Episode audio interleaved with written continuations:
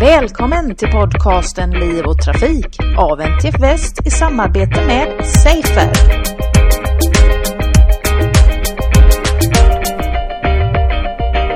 Det är dag två på Transportforum och Liv och Trafikpodden eh, ska nu eh, ha ett samtal med både Malin Lundgren som är verksamhetschef på NTF Väst och VD på Storholms trafikövningsplats och Erik Risberg som är ordförande i TÖP, det vill säga föreningen Sveriges trafikövningsplatser. Tack! Välkomna till podden båda två. Tack för det. Tackar. Malin, eh, du, jag vet att du är väldigt intresserad av riskutbildningens framtid utifrån din roll och även eh, rent allmänt ur trafiksäkerhetsperspektiv eh, hur vi kan jobba med utbildning eh, som en framgångsfaktor. Ehm, jag kommer lämna över ordet till dig nu så får du eh, grilla Erik här bäst du kan. Ja, jag tänker lite grann att utifrån eh, det faktum att vi är på Transportforum i Linköping och att igår så släppte man ju den officiella olycksstatistiken för 2019 och det har ju varit en positiv utveckling med minskat antal döda, 223, vilket ju är en avsevärd förbättring mot eh, det mörka året 2018. Men det jag tänker på nu är ju ändå hur ser vi att eh, utbildningssystemet när det gäller bilförare eh, har för framtid? Det går ju åt rätt håll men vad, vad, ska vi tänka framöver här Erik? Har du några tankar? Ja, rent allmänt så, så kan jag ju känna att man glömmer ofta bort individen och utbildningens betydelse för en, en ökad trafiksäkerhet. Eh, när man pratar nollvision och de framgångar som vi haft när det gäller trafiksäkerhet så lyfter man fram bättre fordon. Absolut, alla dagar i veckan är det en, en faktor som är, är, viktig. Bättre vägnät, samma sak där. Alla dagar i veckan är det jätteviktigt. Men vi pratar väldigt sällan om utbildningens betydelse.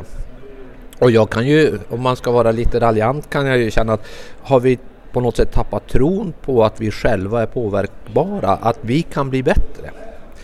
Och det här, som, det här med utbildning blir väldigt viktigt. För utbildningen har, utbildningskraven har ju skärpts sedan nollversionen infördes 97. Alltså skärpta krav på eh, körkortsundervisningen, skärpta krav på riskutbildningen. Och det har man ju inte gjort bara för att man tyckte det var roligt utan det finns en anledning till det. Jag tycker det, det är någonting som vi måste lyfta fram och, och, visa på vikten av att vi måste få en, en, en förbättrad utbildning. På ja. vilket sätt har utbildningen eh, ändrats tycker du? Ja, vi har ju fått en riskutbildning som är uppdelad i två delar idag. Alltså vi har ju dels en mer teoretisk del, riskutbildning 1 och en mer praktisk del, riskutbildning 2 som man gör på en trafikövningsplats. Eh, och här tror jag att man skulle kunna jobba vidare med att, att utveckla riskutbildningen, framförallt eh, risk 2 idag. Eh, på vilket sätt då, tänker du? Ja, alltså ju, man blir ju väldigt inspirerad eh, på en sån här eh, konferens som Transportforum är. Eh, jag tror att det är viktigt att eh, riskutbildningen kan bli, bli mer dynamisk än vad den är idag. Att man kan på något sätt åskådliggöra trafiksituationer på ett mer levande sätt än vad vi gör idag. Allt i syfte att göra körkortstagaren än mer riskmedveten, än mer insiktsfull i trafiken. Eh, I olika sammanhang så pratas det om digitalisering på alla dess ledder. Eh, och det är ju någonting som vi även eh, när det handlar om riskutbildning har att, att förhålla oss till och som jag också tycker att vi ska bejaka. Att vi kan väva in det i den utbildning som jag egentligen tycker är ganska bra idag. Men vi, vi kan ju göra någonting som är bra ännu bättre. Och kan, har du några konkreta tankar där? Ja, alltså, jag tror att man skulle kunna tänka sig att, att använda simulatorer i utbildningssituationen och komplettera den riskutbildning med ett sådant utbildningsinslag. Eh, inte för inte så använder man ju simulatorer för att utbilda tågförare och piloter och det har man ju gjort länge.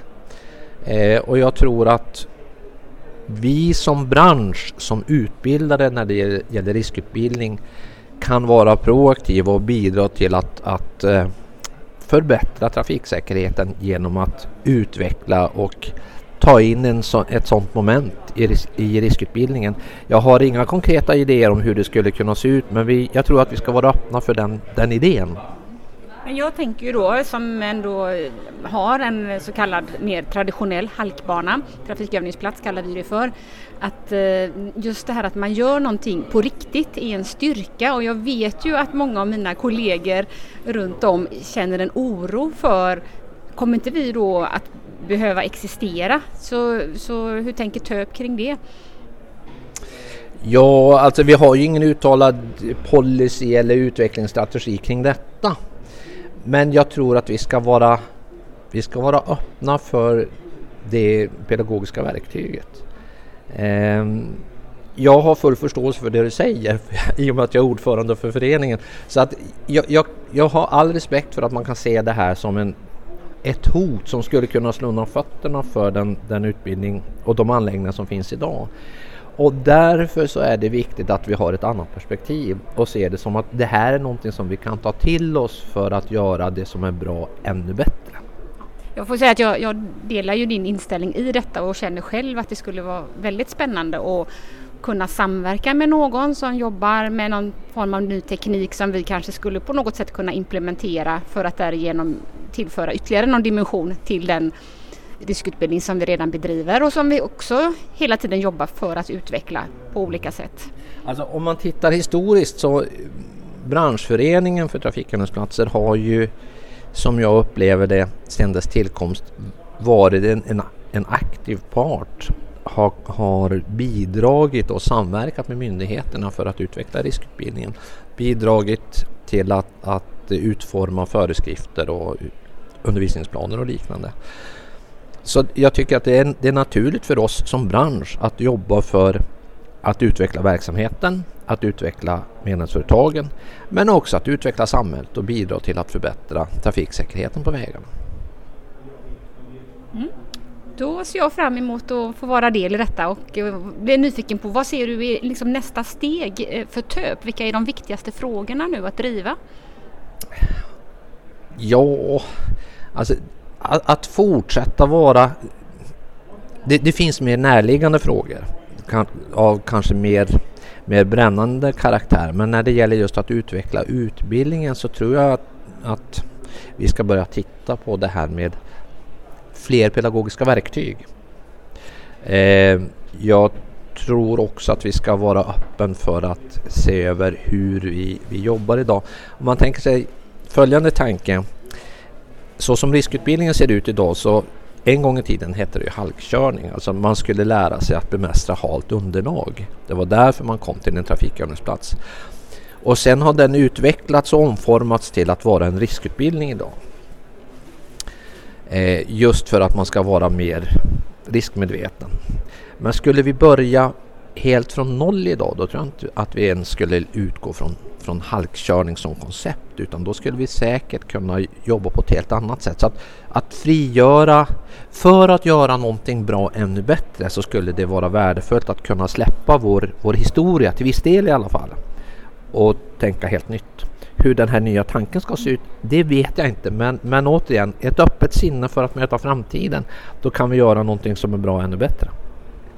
Det låter väldigt radikalt eh, och eh, jag tänker direkt, kommer vi inte ha någon halka alls i framtiden? Skulle det gå så långt? Nej, det vill, det vill jag inte. Alltså det, det är inte. Det är inte syftet. Men att, att eh, våga utmana sig själv för att man ska kunna utveckla någonting, det tror jag är, är viktigt. Och det känns också som att, tycker jag för, för, för min egen del, att Ska vi flytta fram positionerna, ska vi kunna bidra från branschens sida, då måste vi också då måste vi våga vara öppna, vi måste våga vara järva och komma med, med förslag på hur vi kan göra eh, en utbildning, eh, riskutbildning 3.0 som motsvarar de förväntningar som samhället kommer ha under det kommande decenniet.